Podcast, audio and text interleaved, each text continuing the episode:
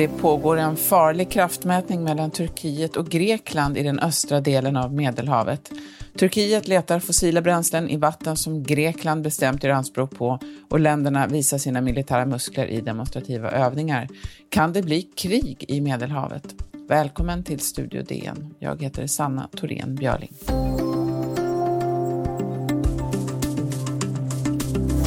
Ja, sedan en tid söker turkiska fartyg efter olja och gas i vatten som Grekland och Cypern menar att de har de exklusiva rättigheterna till. Spänningarna har ökat under flera veckor. Stridsflygplan patrullerar över det turkosa vattnet där och medlingsförsöken mellan de båda NATO-länderna har hittills misslyckats. Oron stiger nu för att den här konflikten ska spåra ur och bli våldsam på riktigt. Ingmar Neveus är utrikesreporter på Dagens Nyheter. Hej Ingmar! Hej! Hej! Eh, först du, jag blir alltid lite förvånad när jag tittar på en karta över det här området och hur nära den turkiska kusten som en del av de här grekiska öarna faktiskt ligger och hur långt österut som Cypern ligger. Kan inte du bara först berätta lite grann om hur geografin i det här området faktiskt ser ut? Ja, det är som du säger, alltså, eh, Turkiet har ett större del av Turkiet är ju Anatolien, den här stora halvön då, som skjuter ut i Medelhavet. Men av historiska skäl så har ju Grekland eh, behärskar ju hela liksom, övärlden då, i, både i Egeiska havet då, som är mellan Anatolien och det grekiska fastlandet eh, med öar som Lesbos, Chios och så vidare som ligger många av dem inom synhåll från den eh, turkiska kusten och även i det vi kallar östra medelhavet, alltså söder om den turkiska sydkusten. Det finns ju till exempel Rhodos är väldigt känt och det finns en liten, liten ö som heter Castellorisso som är i centrum nu för det här som händer. Som är den allra östligaste ön eh, som tillhör Grekland. Den ligger bara två kilometer ungefär från den turkiska kusten. Just det, i centrum här ligger ju då det här området liksom i havet. Eh, varför råder det liksom skilda meningar om vem som har rätt till det här vattnet? Ja, det är så att i Grekland då hävdar ju att det är de här öarna som, som är utgångspunkten för det de ser som man kallar den exklusiva ekonomiska zonen. Alltså det, det är det område utanför ett lands egentliga territorialvatten där man har egen exklusiv rätt att till exempel utvinna naturresurser då, som olja och gas. Grekland säger, och de har stöd av EU och de allra flesta länder, att det är ö, övärlden som är basen då för de här linjerna i, på havsytan. Turkiet däremot säger att det är, det är absurt att de här små, små öarna ska, ska göra att Turkiets ekonomiska zon blir väldigt liten. Utan de gör anspråk på ett, ett mycket större. De tycker att man kanske kan få en, en liten, liten zon runt öarna men det ska inte utgöra basen för en stor eh, zon, så som Grekland tycker. Och nu vill Turkiet då utvinna gas och olja här. Eh, varför vill man det? Är det här stora fyndigheter? Vet du det? Det vet man inte riktigt än, men, men alltså, östra medelhavet har ju blivit eh, en plats där man letar efter gas framför allt. Eh, sen Egypten eh, fann väldigt stora fyndigheter för några år sedan. Och eh, även Israel har, eh, alltså det här är lite området längre söderut då i östra medelhavet, men just de här stora fyndigheterna som till exempel för Egypten då har varit, haft väldigt stor ekonomisk betydelse. De har gjort att man har velat leta längre norrut också. Och eh, det är det som Turkiet gör nu på vatten då som delvis Cypern och eh, Grekland gör anspråk på. Och sen är ju liksom spänningen mellan just Grekland och Turkiet, den är ju, in, den är ju inte ny, den har ju funnits där under lång tid och eh, eh det har ju varit, länderna har ju varit på gränsen till krig flera gånger tidigare och även också kring de här exploateringsrättigheterna. Hur ser den här historien politiskt ut mellan länderna? Ja, alltså, de har inte bara varit på gränsen, de har även utkämpat flera krig under 1900-talet. Eh, stod på olika sidor i första världskriget till exempel. De hade ett eget krig mellan de här två länderna eh, kring 1920 som utmynnade i att man tvångsförvisade över en miljon greker från Turkiet och runt 400 000 turkar från Grekland. Så man bytte befolkning.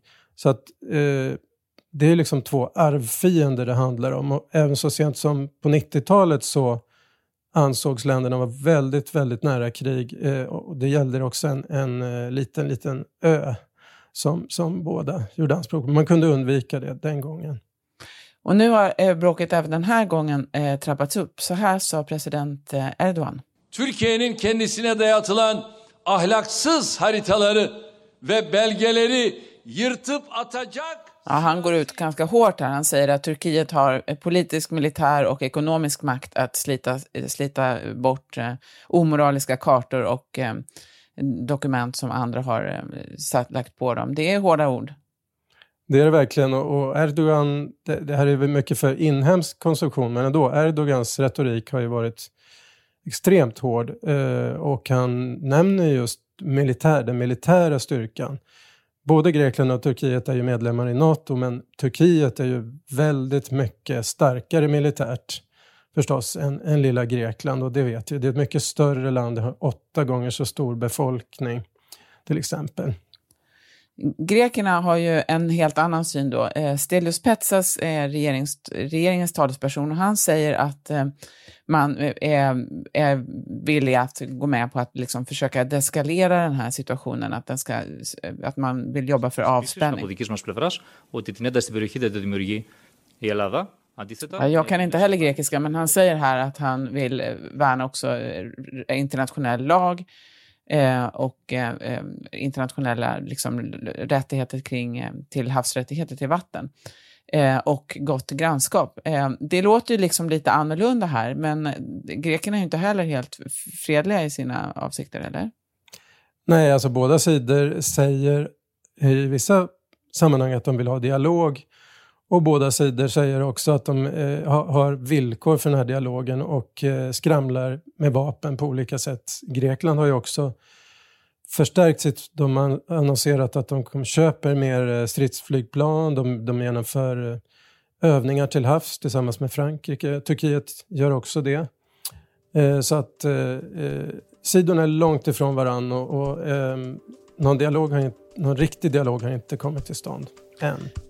Vi ska strax prata mer om relationerna mellan Grekland och Turkiet.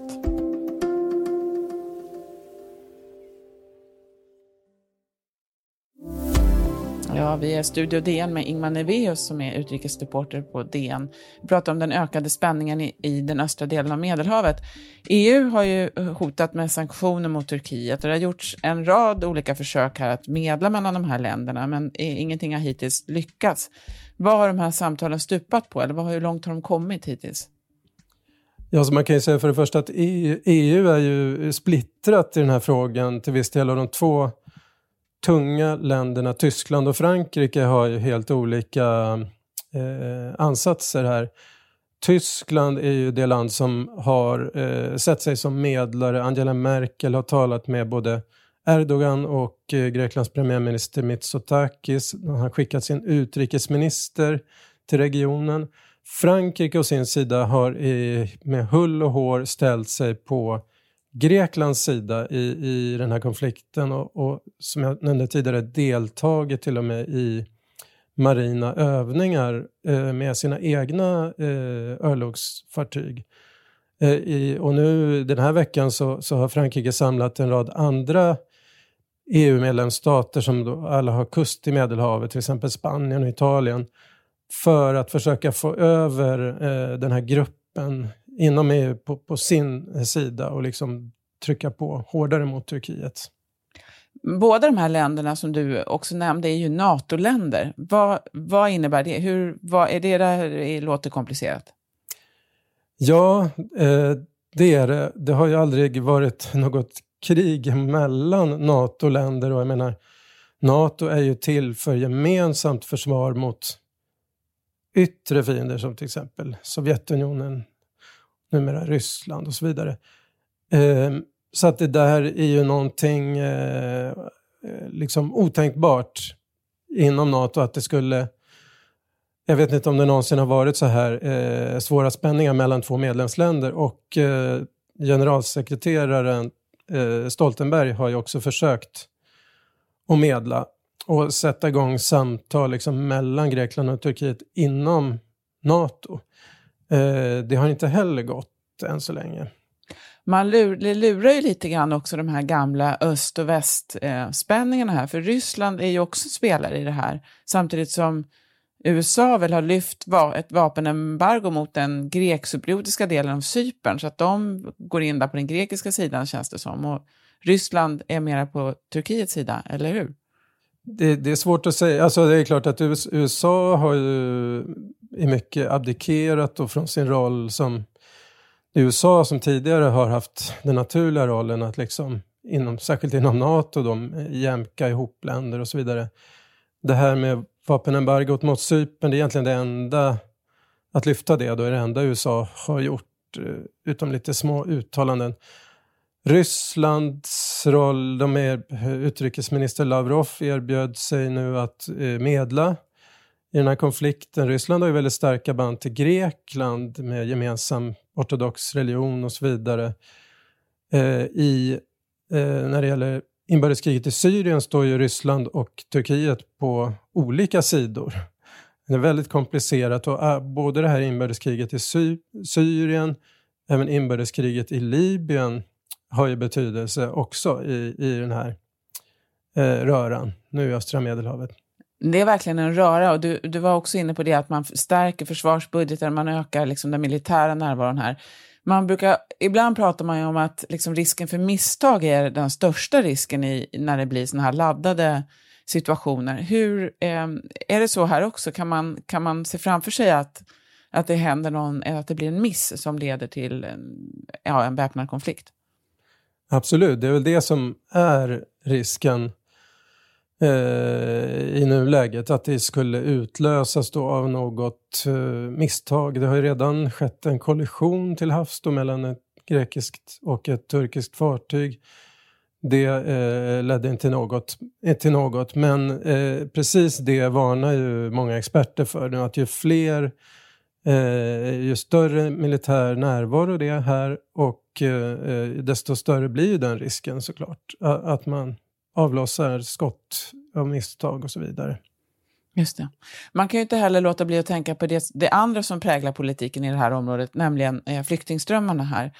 Eh, I Turkiet så finns det ju ja, uppemot fyra, fyra miljoner syriska flyktingar och det finns ett, en överenskommelse mellan Turkiet och eh, EU om de här flyktingarna. Att man, man, man, skulle kunna föreställa sig att Turkiet kan släppa på den där flyktingströmmen igen. Samtidigt har vi sett nu katastrof, en katastrofartad situation i, på Lesbos som ju också, som du nämnde, är nära den turkiska kusten. Hur, vad händer med de här, den här flyktingsituationen om, det, om man samtidigt har en, en militärt, ehm, eh, ja, militär konfrontation här? Ja, det man kan säga om det är att Turkiet har ju använt flyktingsituationen som ett eh, slags vapen i, i konflikten tidigare i februari som att nu släpper vi in, vi, vi, låter alla flyktingar ta sig till Grekland och Europa. Och det var ju ett, eh, ett vapen så att säga mot EU och, och Grekland. Och, och an, just att de har det här, eh, eh, de har de här flyktingarna att liksom ta till som en spelbricka. Det är ju en av anledningarna att särskilt Tyskland då är så måna om att eh, medla och att inte vara för tuffa mot Turkiet så som Frankrike vill. Tyskland eh, står ju verkligen för det här eh, avtalet med Turkiet och vill att det ska hålla. Eh, avslutningsvis då, vad, vad tror du Ingmar, hur stor är risken för ett regelrätt krig här? Eh, jag tror kanske inte man ska överdriva den ändå i nuläget, men eh, som vi pratade om nyss, så det, det, risken är egentligen att det sker ett misstag. Och den risken är ju inte försumbar. Krig har, har startats eh, förr av sådana anledningar. Tack Ingmar Neveus, utrikesreporter på Dagens Nyheter. För ljudillustrationerna stod AP. Studio DN görs av producent Sabina Marmelakai, exekutiv producent Augustin Erba, ljudtekniker Patrik Miesenberger och teknik Oliver Bergman, Bauer Media.